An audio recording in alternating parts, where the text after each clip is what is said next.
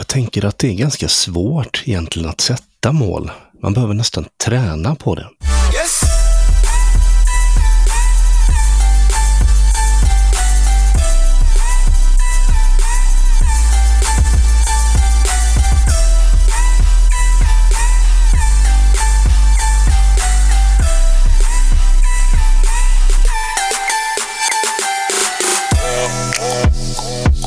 Ja, häromdagen så var det ju lite melankoliskt på något sätt, för då var ju allt årets sista. Men nu har allting blivit väldigt annorlunda för att nu är allting årets första. Och det innebär också årets första avsnitt ju av Träning och smärta. Välkommen tillbaka. Och välkommen tillbaka David och Andreas. Hallå, hallå. Hallå, hallå. Tack så mycket. Ja, tackar, tackar. Kul att vara tillbaka. Hur är läget då? Eh, lite förkylt. Eh, lite lagom sådär eh, trögstartat. Eh, men annars ganska bra. För mig är det bara helt perfekt allting faktiskt. Ja, det är ju såklart eh, inte alltid helt perfekt att vara en person som tränar eller försöker träna. Och detta är ju intressant när man funderar på det här med nytt år. För det är för många förknippat med nyårsluften och det är mål som ska sättas och ska uppnås på något sätt. Det är åtminstone någon form av ambition som många av oss har. Vad tänker ni på när ni hör ordet nyårslöften? Grusade drömmar tänker jag på då. Vad mycket det är man behöver göra bättre än förra året. Ganska mycket... Ja, jag brukar inte ha nyårslöften sådär direkt, men jag tycker heller inte det är så väldigt svårt att um, hålla i det som jag bestämmer mig för att ta mig för. Men eh, det är ju en, eh, ett välkänt problem det här med att alla gymkedjorna har fullt upp eh, i januari och sen så ekar det i lokalerna i februari. Så det finns ju ett tema här med att det verkar svårt att hålla sig till det man har planerat. Så det ser jag fram emot att dissekera det problemet och se vad vi kan kanske hjälpa lyssnarna med för att uppnå sina egna mål och hålla sina egna luften. Ja, och Andreas då? Jag är, har ju tyvärr inte den här superkraften som min kära kollega David har i, eh, i den här ståldisciplinen. Eh, jag eh, gillar att ha idéer och tankar och, och bitvis drömmar men vissa av dem har jag en tendens, kanske som många andra, att lyckas förbise sådär när det väl gäller. Jag satte ju lite mål förra året eh, rörande styrketräning. Sen flyttade Mattias från ortopedmedicinska och sabbade alla de planerna jag hade. Så jag, jag, får, jag hittade dem nedskrivna faktiskt här häromdagen. Mm. Så det är väl nästa, att jag kan bygga vidare redan på en färdig lista med alla saker jag borde gjort förra året. Och vad var det för något då? Vad är det för mål? Ja, men det var ju de var ju baserade på eh, bänkpress, knäböj, marklyft. Alla de här viktiga grejerna i livet. Ja, jag hade också en, en, en tydlig plan sådär med att eh, cykla ganska mycket.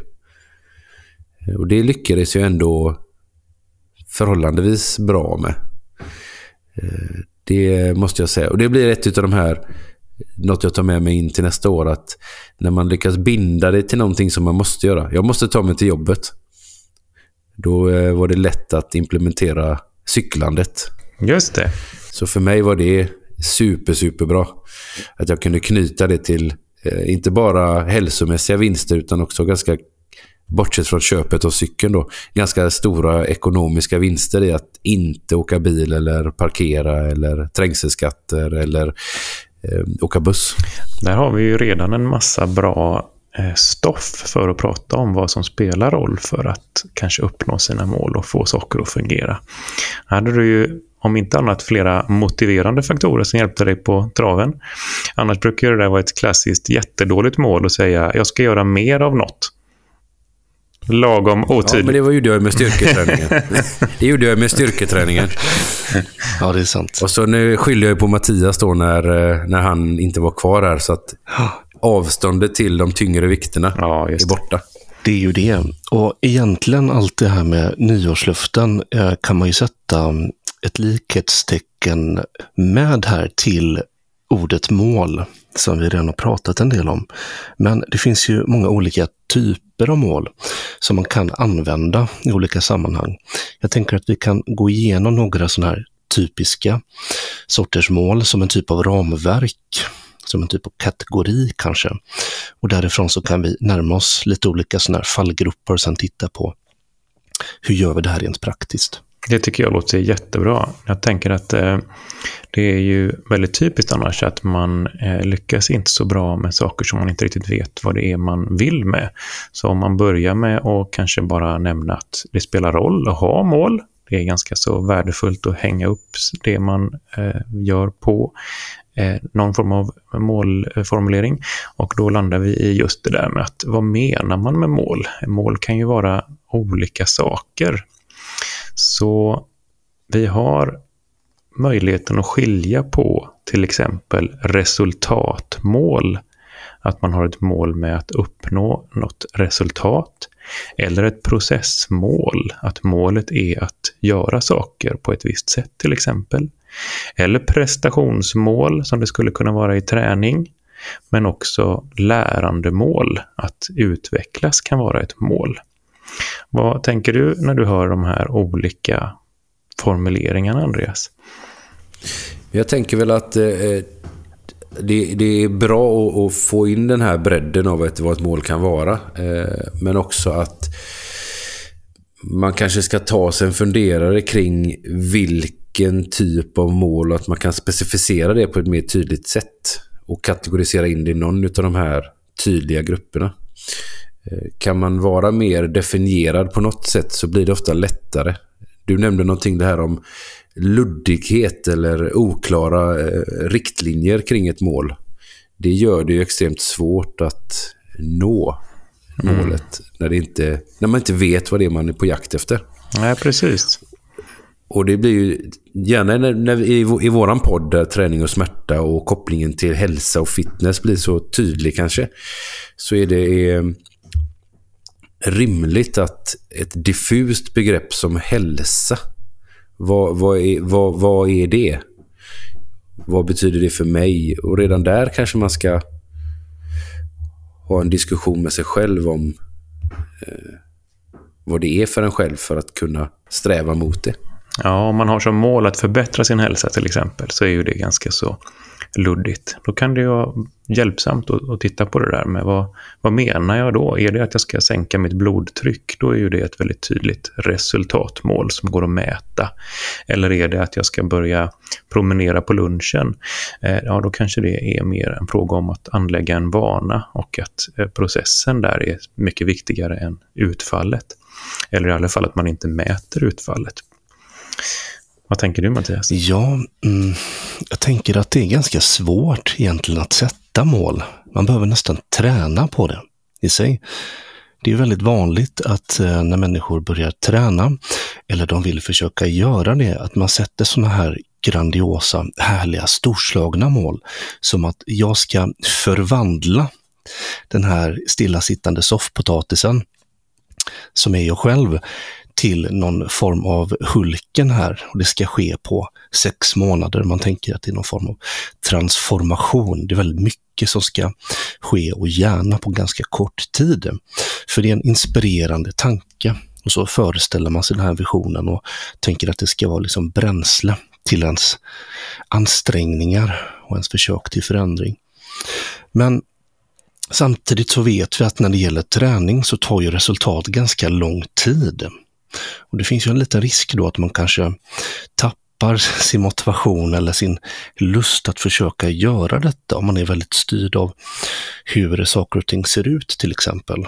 Det är kanske en av de eh, målen som egentligen tar allra längst, eh, längst tid att se någon stor avkastning eh, för så sätt eh, vad gäller kroppsvikt, eh, kroppsfett, muskelmassa.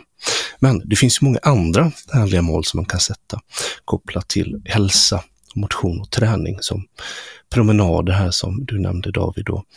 Man kan göra saker med blodtryck, man kan göra saker med uthållighet. Eh, mer eh, specifikt på gymmet kanske. bara just det här att faktiskt träna regelbundet. Tre pass i veckan, fyra pass i veckan eller ja, två pass. Det är också ganska okej. Okay. Så det är väl mina tankar att det finns ett litet problem med att man har, har stort eh, fokus i allmänhet på just resultat.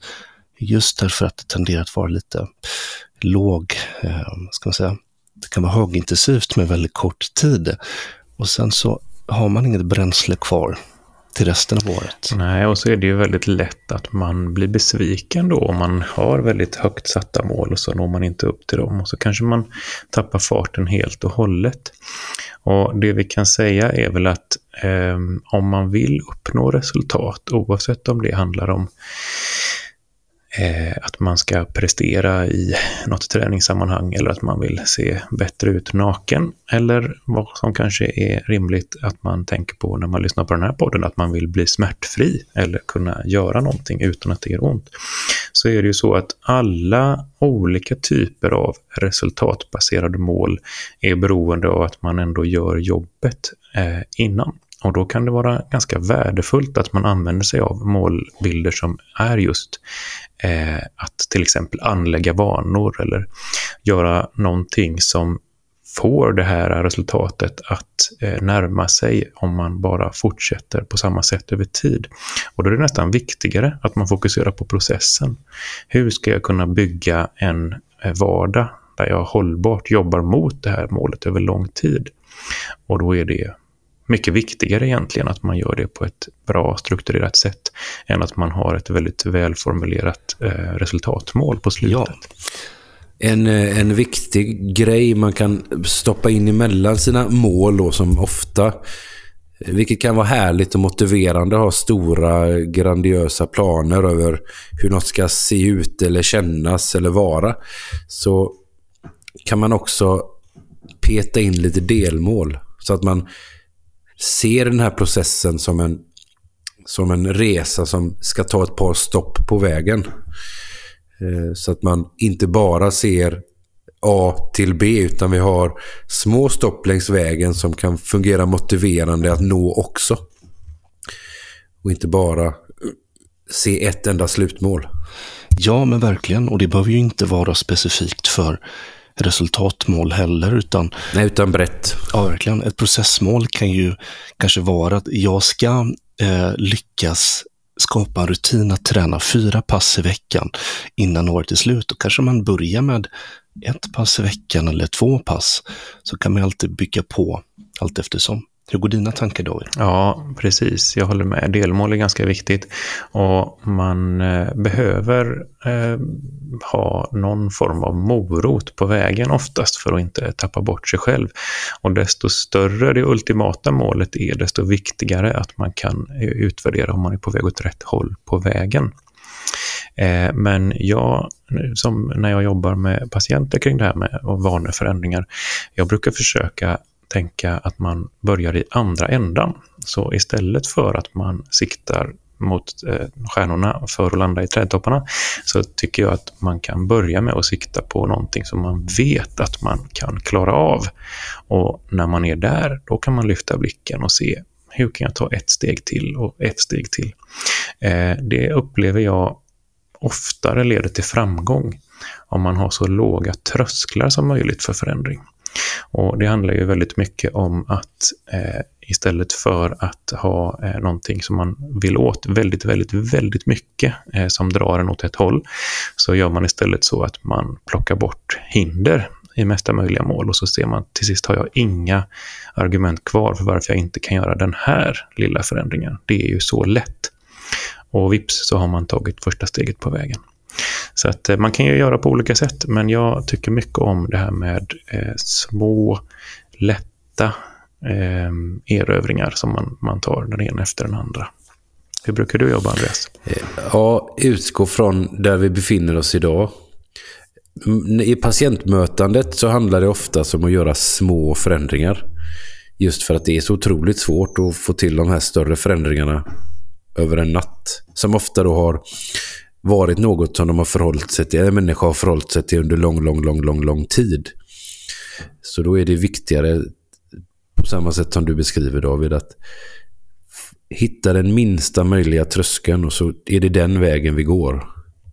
Och få till det som en vana. Men det är ofta svårt ibland för att det är så... Eh, även de minsta och lättaste bitarna kan ibland vara ganska höga berg när det gäller eh, människor med smärta upplever jag. Att man inte alltid får den här kanske momentana eller direkta responsen utifrån mindre smärta eller eh, mer rörlighet utan att det är, är viktigt att på något sätt eh, ändå eh, försöka få eh, jag hittar inte riktigt ordet här nu. Um... Ja, men jag förstår vad du söker. Man, man kan behöva ha den här feedbacken för att känna att man inte tappar farten och sådär. Eh, men, men jag upplever att det här... Ja, men precis. Det, det möts där på något sätt. Att man, man kan ju i det läget eh, fokusera på att fira då den framgången man har. Jag har lyckats anlägga den här vanan. Eh, någonting är definitivt bättre. Jag vet att jag gör någonting som är bra för mig. Även om det inte gör mindre ont än, till exempel. Och på samma sätt så kan man ju ibland göra så att man, man bestämmer sig för eh, någonting som kanske är lite mer krävande, men där man vet att jag kommer snabbt att få ett mätbar förändring som, som motiverar mig att hänga i och göra det här eh, vidare. Det är ju så många olika sådana här crash-dieter och sånt eh, handlar om. att Man gör något extremt bara för att fort se att vågen börjar förändra sig. Och då kanske man motiverar sig att fortsätta. Ja. Det är olika strategier. Och det är ju det som är den härliga fördelen med att ha lite olika typer av mål, även om man skulle ha ett lite mer storslaget resultatmål där någonstans lite längre fram i horisonten. För processmål och lärandemål kan du ju faktiskt uppnå oftare. Om man då sänker tröskeln här dessutom, som du var inne på David, då kan man ju eh, få smaka på detta. Känslan av att lyckas och vara på väg. Man får en belöning. Och det där är mer värdefullt eh, än vad många tror, skulle jag gissa. För att det kan kännas lite mesigt också att sätta låga mål. Men det är väldigt användbart just för att det händer så mycket positiva, härliga saker mentalt när man gör det. Kan inte det vara kopplat ibland till det här att det känns lite eh, mesigt? Att det är kopplat till att just målet är så lågt, så långt bort från dit jag vill och att man har svårt att förhålla sig till de långa tidsperspektiven. Att det finns något i, i den mänskliga naturen att eh, det som är långt bort det är, är för långt bort men det som är nära det är enkelt, det är inte lika härligt. Nej, men jag tror också att många underskattar hur stor skillnad små förändringar gör. Eh, och särskilt med tanke på att Eh, det är när man gör saker över tid som det händer någonting på riktigt. Och Det är lättare att känna att jag, jag gör någonting bra om jag tränar superhårt och det känns hemskt i kroppen efter passet. Eh, då är jag nog verkligen på väg dit jag ska. Och så gör det egentligen ingen skillnad. Även om jag gör det fem gånger så har det fortfarande inte liksom hunnit hända så mycket på de fem gångerna. Men om jag gör pyttelite 50 gånger så har det verkligen hunnit hända någonting. Och Det handlar ju om att, att någonstans lära sig att det är viktigare att klara av och fortsätta med någonting än att försöka göra allting, allt jobbet nu, idag. Ja, och om man då ändå Ehm, accepterar på något sätt att kvantitet har viss betydelse, men kanske inte då hur många pass i veckan du tränar i början, utan lite längre tidsperspektiv. Mm, så landar vi ju i detta återigen att det kanske är mer hållbart för att få in fler pass per år, att ha lite lägre frekvens i början. Och dessutom om vi skulle göra allting väldigt extremt, vilket ju kan vara härligt i sig, så innebär det kanske att vi får större sådana här mikrorupturer på korsbrickorna ute i musklerna. Så får vi en mindre kraftproduktion och sämre motorisk kontroll när vi går in i nästa pass. Så det finns ju sån aspekt också. Det finns en fysiologisk aspekt. Ja, det blev avancerat det där. Med det eskalerade snabbt där. Är det så? ja.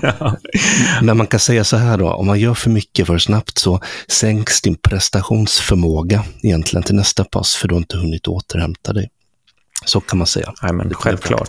Det är ju väldigt tydligt. Och en annan sån aspekt som jag också tror att man eh, ska försöka förhålla sig till, det är att eh, det är så pass mycket svårare rent eh, orkesmässigt, disciplinmässigt att eh, gå in och göra någonting som man vet är väldigt hårt och tungt och svårt. Eh, att även om jag känner mig motiverad att göra det idag så bör jag fundera över, kommer jag vara motiverad att göra det här flera gånger i veckan, varje vecka, hela året? Eller ska jag snarare nu, även om jag har massvis med motivation i januari, fundera över vad är hållbart att göra många gånger och även i februari och mars och april och maj? Och då är det ofta så att det är bra att inte eh, satsa på för hårt, för långa pass, för svåra övningar eller vad det nu kan vara. Utan börja med någonting som eh, känns ganska så tillgängligt idag och så ha målet att fortsätta göra det över lång tid. Mm. Men ska vi göra någonting över lång tid, då är vi ju egentligen inne på det här med disciplin. Just det. Vad tänker ni är disciplin? Vad innebär det? Ja, egentligen är ju disciplin eh, att göra någonting för att det ska göras snarare än för att man eh, njuter av det eller eh, känner någon, att det är lustdrivet eller sådär. Och jag tänker att många förväxlar disciplin eh, med eh, kanske motivation och att eh, det är många som tycker att någon har mycket disciplin för att de gör något som de själva tycker skulle vara svårt. Medan den personen som gör det där kanske snarare har hittat sin motivation och behöver inte så mycket disciplin för det går av sig själv, det är lustfyllt eller det är inte så krävande. Och att där bör man nog förstå att ett visst mått av disciplin kan behövas för att sätta igång en process, men sen behöver man hitta lust eller motivation eller mervärde som gör att man inte behöver utöva så mycket disciplin över lång sikt, för det är sällan hållbart. Det är så jag tänker på det. Oj, det här var jätteintressant. Det går ju egentligen emot den här vanliga uppfattningen som finns på sociala medier när man följer träningskonton, nämligen att motivation, det är överskattat. Det handlar om disciplin. Folk måste ha disciplin, punkt. Vad tänker du om det, Andreas? Jag får ju säga, hålla med David att det var, eh, var väldigt fint beskrivet det där att det är saker som disciplin handlar mer om att göra saker som man inte alltid vill. Eh, och att motivation är, gör allting mycket lättare. Är man motiverad till att göra något, då kommer det vara något som ger energi och kraft till drivkraften att fortsätta. Eh, tyvärr är det väl så som vi varit inne lite på att många sätter höga mål som gör när det gäller hälsa och träning och välmående att man måste drivas av disciplin och vi har ju nämnt flera gånger i vår podd tidigare att det tycks finnas ett, ett viss mått av att träning ska vara just disciplinkrävande i form av jobbigt, lite vidrigt, nära kräkning eh, för att det ska ge något. Eh, och då absolut så kommer träning kräva disciplin. Men om vi då kan vrida det till att Eh, få det att drivas av motivation istället och göra träningen rofylld och härlig så kan det vara ett mycket mer hållbart sätt att förhålla sig till Ja, det, det fungerar. Ja, min uppfattning, och den är rätt bestämd alltså, så får folk skälla på mig, det är att det går inte att göra saker på disciplin över lång tid. Eh, ska man börja med ett förändringsarbete så behövs det någon form av disciplin i början. Men sen har man ett ganska begränsat tidsspann på sig eller ett visst antal eh, kanske pass som vi pratar om träning som man kan eh, jobba på den här eh, disciplinen och sen måste det börja vara så att man antingen känner att det här eh, förändra någonting. Jag kan få mätbara förändringar som gör att jag blir sugen på att fortsätta. Eller att man hittar hittar andra värden. Det här var ganska roligt till sist när jag väl hade provat det flera gånger i rad. Eller jag har hittat en ny social krets här som gör att det finns något som lockar.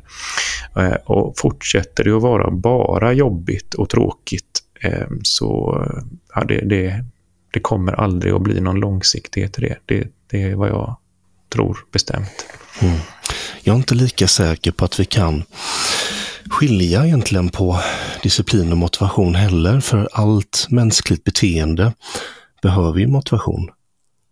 Vi gör ingenting om vi inte har något motiv här. Sen kanske det inte alltid är väldigt reglerat eller så här styrt av ett mål eller en plan.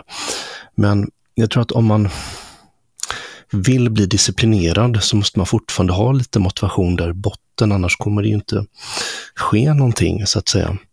Sen över tid, precis som David sa här, så kanske man inte behöver lika mycket eh, högintensiv motivation, kanske man kan kalla det, eh, för att göra någonting om man har byggt en vana, om man uppskattar livsstilen och sådär. Så att det blir andra saker som spelar roll när man har gjort detta en längre stund jämfört med när man börjar. Så det kan ju vara lite olika. Och då är vi inne egentligen på det här med vanor, va? Mm, precis, och att skapa och bygga vanor. Ja, hur gör vi det då?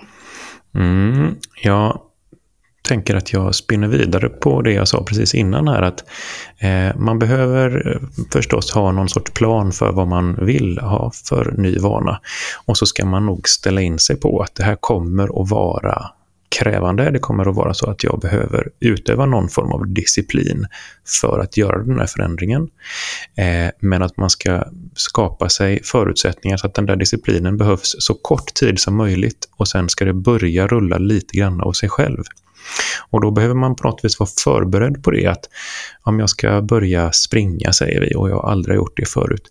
Det kommer att vara plågsamt de första gångerna, för kroppen känner inte igen det här. Det är bara alla system säger nej, nej, nej, nej, nej. Och om man då vet att det här är nu, och ganska fort kommer jag börja vänja kroppen vid det här. Det kommer inte kännas lika jobbigt längre. Och i takt med att det känns mindre jobbigt så kommer jag att upptäcka att det spelar roll att jag gör det här upprepade gånger. Det fungerar. Och så får man låta processen ha sin gång där lite grann. Så att eh, vaneförändringar handlar ganska mycket om att vara realistisk ha en struktur för hur man ska förändra vanan, ha låga trösklar och så vara beredd på vad det kommer att kosta initialt. Det är så jag tänker. Just det. Och vanor kan man ju lägga till, man kan ta bort och så kan man försöka förändra vanor som redan existerar. Vad tänker du om det, Andreas? Då tänker jag lite som David var inne på det här. Och det tänk, är en sån här sak som jag tror många misslyckas med det här med att vad har jag för förutsättningar till att faktiskt få till de här. Visst, man har motivation till att göra en förändring och det kan krävas disciplin att försöka få in den här vaneförändringen och förhoppningsvis där någonstans innan disciplinen dör ut eh, så har motivationen inkom, uppkommit att fortsätta det här eh, vaneför, vaneförändringen. Men att göra små förändringar som ändå finns utrymme till och man har ett skyddsnät eller förutsättningar. För att det är jobbigt att göra eh, förändringar av sitt beteende. Och man kan behöva hjälp. Eh, att göra de här förändringarna. Och det kan vara så lite som, det behöver inte vara en att man eh, har ett helt team med coach och, och dietist och psykolog. Och, utan, utan snarare att man tar hjälp av eh, papper och penna eller eh, sin respektive eller vänner och bekanta också. Att knuffa åt, åt rätt håll. Eh, jag vet inte om det var svar riktigt på frågan sådär. Men det var något jag började fundera över nu när ni Ja, jo, men jag tycker det var relevant ju. Um, och det är bra poäng det här också att det är klart att ingen annan kan ju göra den här förändringen åt dig. Men samtidigt så spelar faktiskt miljö roll. Det här sociala eh, skyddsnätet kanske vi kan kalla det då. Eh, familj, vänner och bekanta. Om det finns en liten diskrepans där kanske. Eh, eller det inte finns så mycket förståelse för det man vill göra. Om man inte har det stödet hemma så blir det ju svårare egentligen. Och då höjer vi ju tröskeln för det på något sätt. Vad tänker du David? Ja, jag håller med. Det är ju eh, precis så det är. Man behöver egentligen ta sin vaneförändring på så pass stort allvar att man sätter sig ner, kanske med papper och penna som Andreas säger, och planerar. Och då ska det gärna ingå i den planeringen att man funderar över vad är det som gör att jag inte redan har gjort den här förändringen? Om det är att jag vill börja träna, hur kommer det sig att jag inte gör det idag? Vad finns det för hinder? Och då skulle det kunna vara så att eh, det finns sociala hinder, att eh, det finns folk omkring en som inte vill eller som rent av motarbetar det här, då får man hantera det. Men det kan ju också vara så att det finns praktiska hinder, det finns inte tid eh, eller man har bestämt sig för att träning gör man på ett gym och det finns inget gym nära där jag bor. Då får man så att säga börja bocka av alla de här faktorerna och se kan jag, kan jag ändra på det här? Kan jag göra någonting som passar in i mina förutsättningar istället för i mina fördomar? Mm. Och då mhm. kanske det helt plötsligt är så att eh, man kan fråga till exempel sin motsträdiga, motsträviga partner, vad vill du göra? Och så gör man det ihop. Eller man kommer på att eh, jag kan eh, springa till jobbet, då påverkas ingen annan av det. Eller om jag tränar hemma i vardagsrummet så behöver jag inte ta mig till något gym och så vidare. Man får helt enkelt fundera mer över förutsättningar eh, än eh, att börja med sin önskan och så jobba därifrån. Ja, det här är ju jättemånga bra tips och vi har pratat om mindset, vi har pratat om olika typer av mål och trösklar, hur vi kan jobba med miljön och ja, våra relationer. Då. Samtidigt så vet vi att det är många som börjar träna och som inte fortsätter träna av olika anledningar. Vad kan det finnas för skäl till detta då? Jag tänker vanliga fallgropar när det kommer till mål med träning.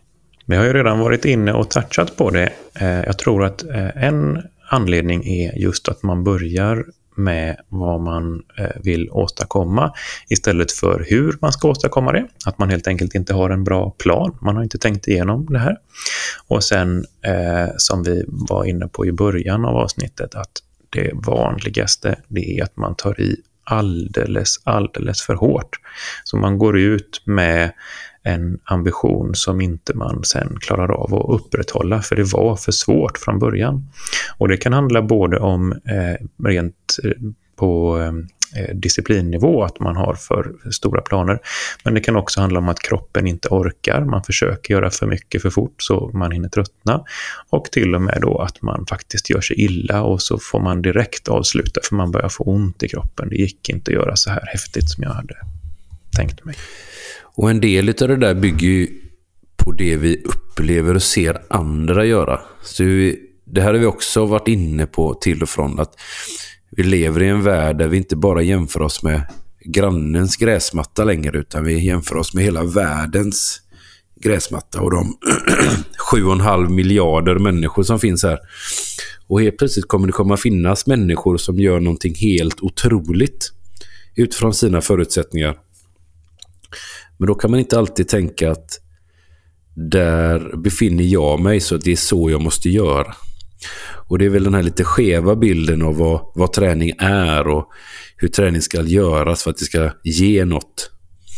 Och det är väl lite det som vi på något sätt försöker skapa mindre trösklar till med den här podden. Inte bara förståelse vad som kan tänkas hända kring smärta och träning utan också vad är träning? Och vad är det vi behöver göra för att sakta ta oss åt rätt håll?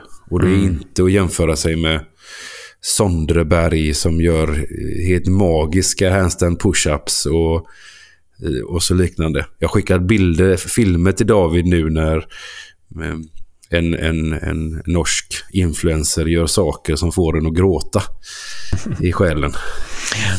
Ja, vad inspirerande. Ja, de, han är... Både inspirerande och knäckande på samma gång. Ja. Det finns ju ett eh, sånt här saying att eh, nyckeln till eh, lycka, det är att sänka förväntningarna. och eh, lite grann så är ju det kontentan även av det här. Om jag vill lyckas med min eh, träning så behöver jag ha realistiska mål. Och jag tror definitivt att de allra flesta som lever i ett västerländskt samhälle idag underskattar värdet av att bara göra lite mer än vad jag gör just nu. Så man tittar på Instagram och så ser man någon som gör något häftigt och så tänker man att det är det där som är träning och så glömmer man att om jag gör ingenting nu så kommer det vara värt någonting bara att resa mig ur soffan. Och om jag gör fem armhävningar så är det fem armhävningar mer än om jag inte gör fem armhävningar.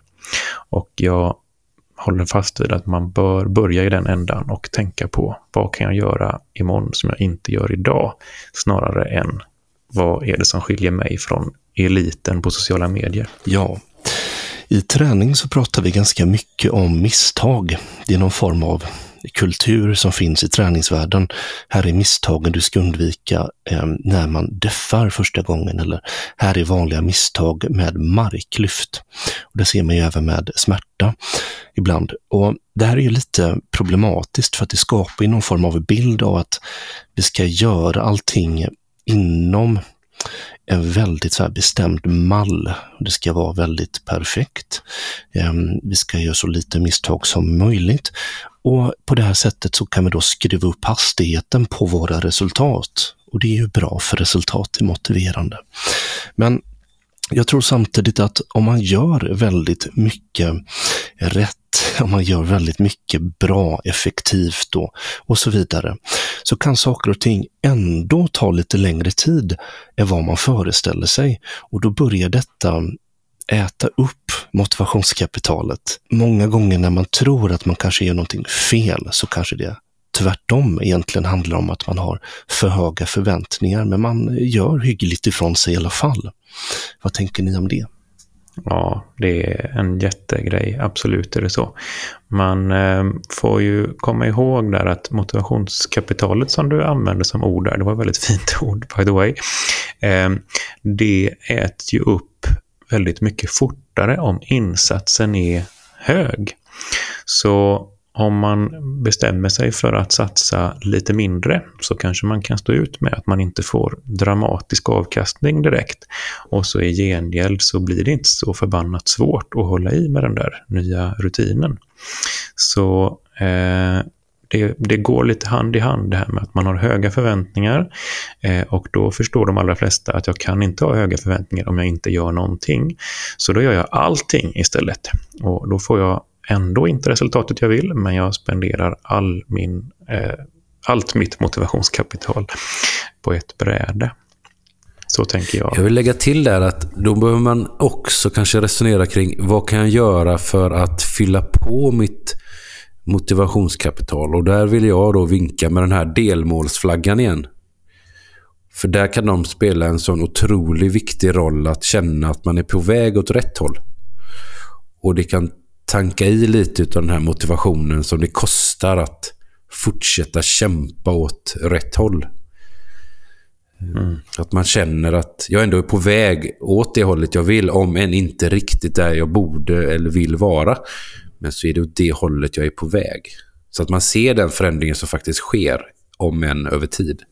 Ja, och sen var ju Mattias inne på en grej där med att eh, eh, man då kanske gärna tänker att om jag inte jag får de resultaten jag vill eh, så måste det vara för att jag gör något fel och så googlar man upp alla vanliga misstag när det kanske bara handlar om att eh, det tar längre tid eh, och att resultaten kommer gradvis, eh, då är det definitivt så att om man har eh, någon form av förmåga att utvärdera på vägen så kan man märka just det att det går åt rätt håll. Jag gör antagligen någonting bra för det blir bättre. Sen kanske jag inte är hela vägen fram än. Men hade jag gjort fel så hade det ju inte rört sig åt det här hållet. Så det är ju en, en eh, anledning att arbeta med mål, eller med delmål, definitivt. Just det. Och kanske även då mål som är kopplade till handlingar och vanor mer än just hur härliga eh, magrutor jag kommer ha på beachen här till sommaren. Eller? Precis, precis. Man ska kanske utvärdera sig själv eh, med sina beteendeförändringar och titta, ja, nu har jag faktiskt varit på gymmet flera gånger eller i löpspåret flera gånger eller eh, vad det nu kan vara. Jag har liksom gjort det här som jag ska göra flera gånger. Har gjort istället för vad har jag fått? Mm.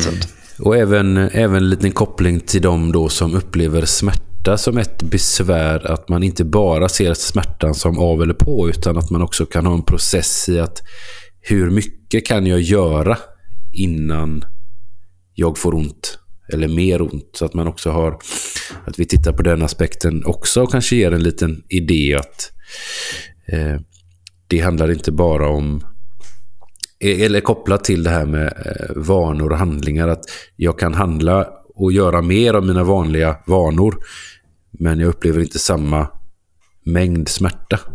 Då är det också ett, ett, ett delmål i den processen att vi tar oss mot en ökad funktion i vardagen. Ja. ja. Och det är ju många som får ont i olika sammanhang och som söker hjälp för detta. Som kanske upplever en viss stress över att man nu är ännu längre ifrån sitt mål. Jag vill ta sig och så mycket i marklyft, men nu fick ont i ryggen. Det här blir jättejobbigt. Hur ska man tänka då med mål inom rehab kontra prestation eller fitness? Vad tänker du David? Mm. Ja, det, är, det där är ett jättevanligt dilemma eh, och det finns inga enkla svar såklart eftersom folk är väldigt olika. Man befinner sig på olika platser när man får ont och smärtan beror på olika saker och så vidare. Eh, men man kan väl säga som så här. Det är aldrig värt att inte tar det på allvar för eh, någonting som börjar skava och göra ont och vara lite besvärligt, det är oftast inte så besvärligt att hantera om man börjar direkt. Men om man struntar i det tills man har riktigt mycket besvär, då, är det, eh, då får man snarare kanske räkna med att vara borta från träning jättelänge istället för att komma till rätta med det. Så det är en aspekt på det, att börja i tid med att ta saker på allvar. En annan är att man ofta stöter på att man så att säga tänker att smärtan betyder att nu är det kört så nu måste jag sluta helt med allt jag drömmer om. Och det blir inte heller rätt utan det bästa sättet är oftast att bara eh, jobba runt sitt besvär lite grann. Och ofta får man ont i samband med träning för att man går lite för fort fram. Så då kan det räcka med att man sänker hastigheten. Man behöver inte ta bort målet. Man kanske bara lägger på eh, lite mer tid på när man vill vara framme vid sitt mål. Eh, gör något lite långsammare, ha lite mindre intensitet, eh, lite mer vila emellan så kan man ibland komma ikapp med ett smärtsamt problem. Och till sist så skulle jag vilja säga att eh, som Andreas var inne på när man utvärderar då, så behöver man inte tänka att jag har antingen ont och då är det hemskt eller så har jag inget ont och då är allt som det ska. Utan att man rör sig på ett spektrum där ett framsteg kan vara att ha precis lika mycket smärta men kunna göra mer till exempel kunna börja klara av den där träningen som man drömmer av utan att något blir värre. Då har man ju vunnit någonting, även om man fortfarande har kvar sin smärta till exempel. Bra.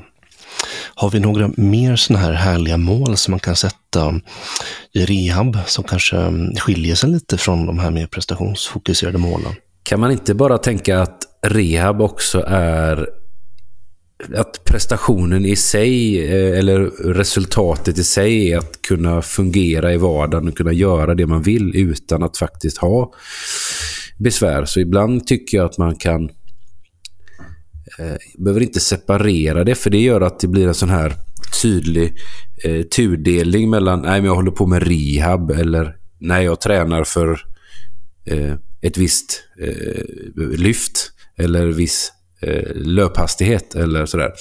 Att man också kan eh,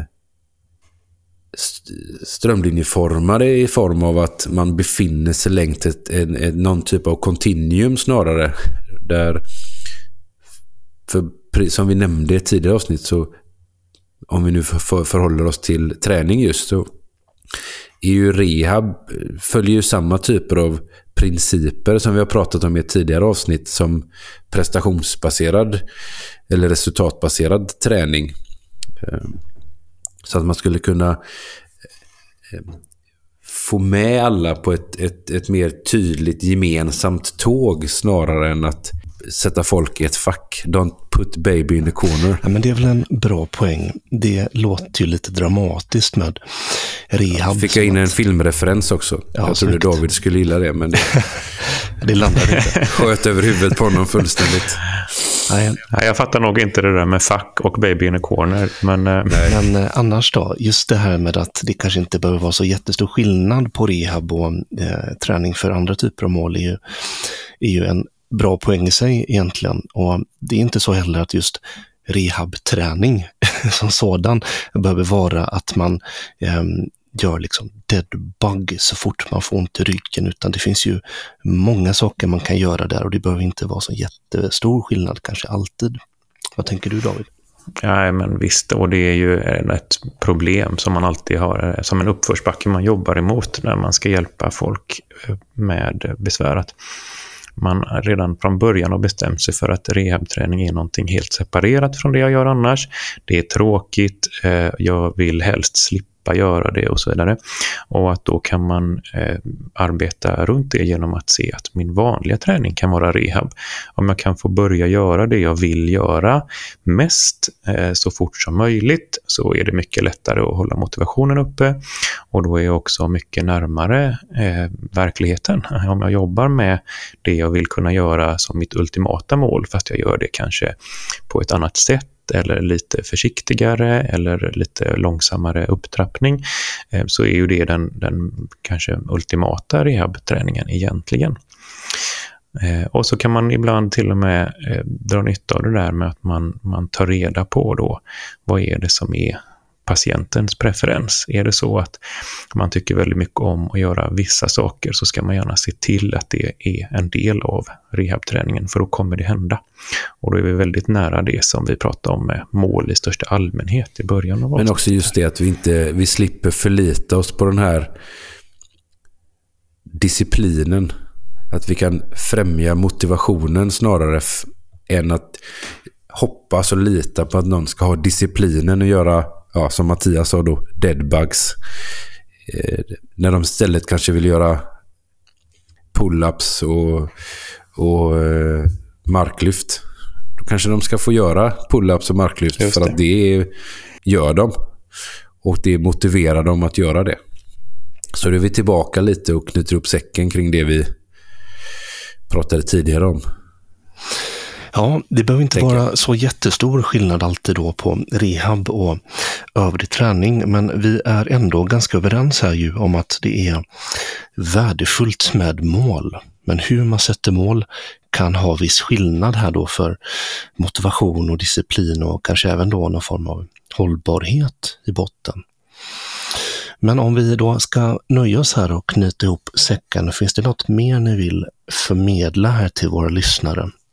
Sådana tips på vägen om man har nyårslöften och mål som man ska sträva efter i 12 månader nu. Ja, det är väl just det som du sa där då. Det är 12 månader tills du ska uppfylla målet. Låt det ta 12 månader. Inte 12 dagar. Ja, och kanske... Eller 12 år. Kanske. Ja. Eller 12 år. Det kanske är så att man ska ha, man kanske har mål som handlar om att jag ska bli en person som tränar och att då är det på obestämd tid, då är det ändå viktigare att tänka att om jag ska börja bli en tränande person och jag inte är det innan, då ska jag inte börja att vara en eh, Instagram-influencer, tränande person, utan då kanske jag ska vara den där personen som faktiskt, även om det är en klyscha, tar trapporna istället för hissen. Eh, och att man helt enkelt börjar på rätt nivå. Jag skulle vilja slänga in ett litet eh, tips här angående just den här typen av mer generella vaneförändringar. Och det är att istället för att fundera ut hur många gånger i veckan man ska gå till gymmet eller paddelhallen eller klättringsgymmet eller vad det kan vara.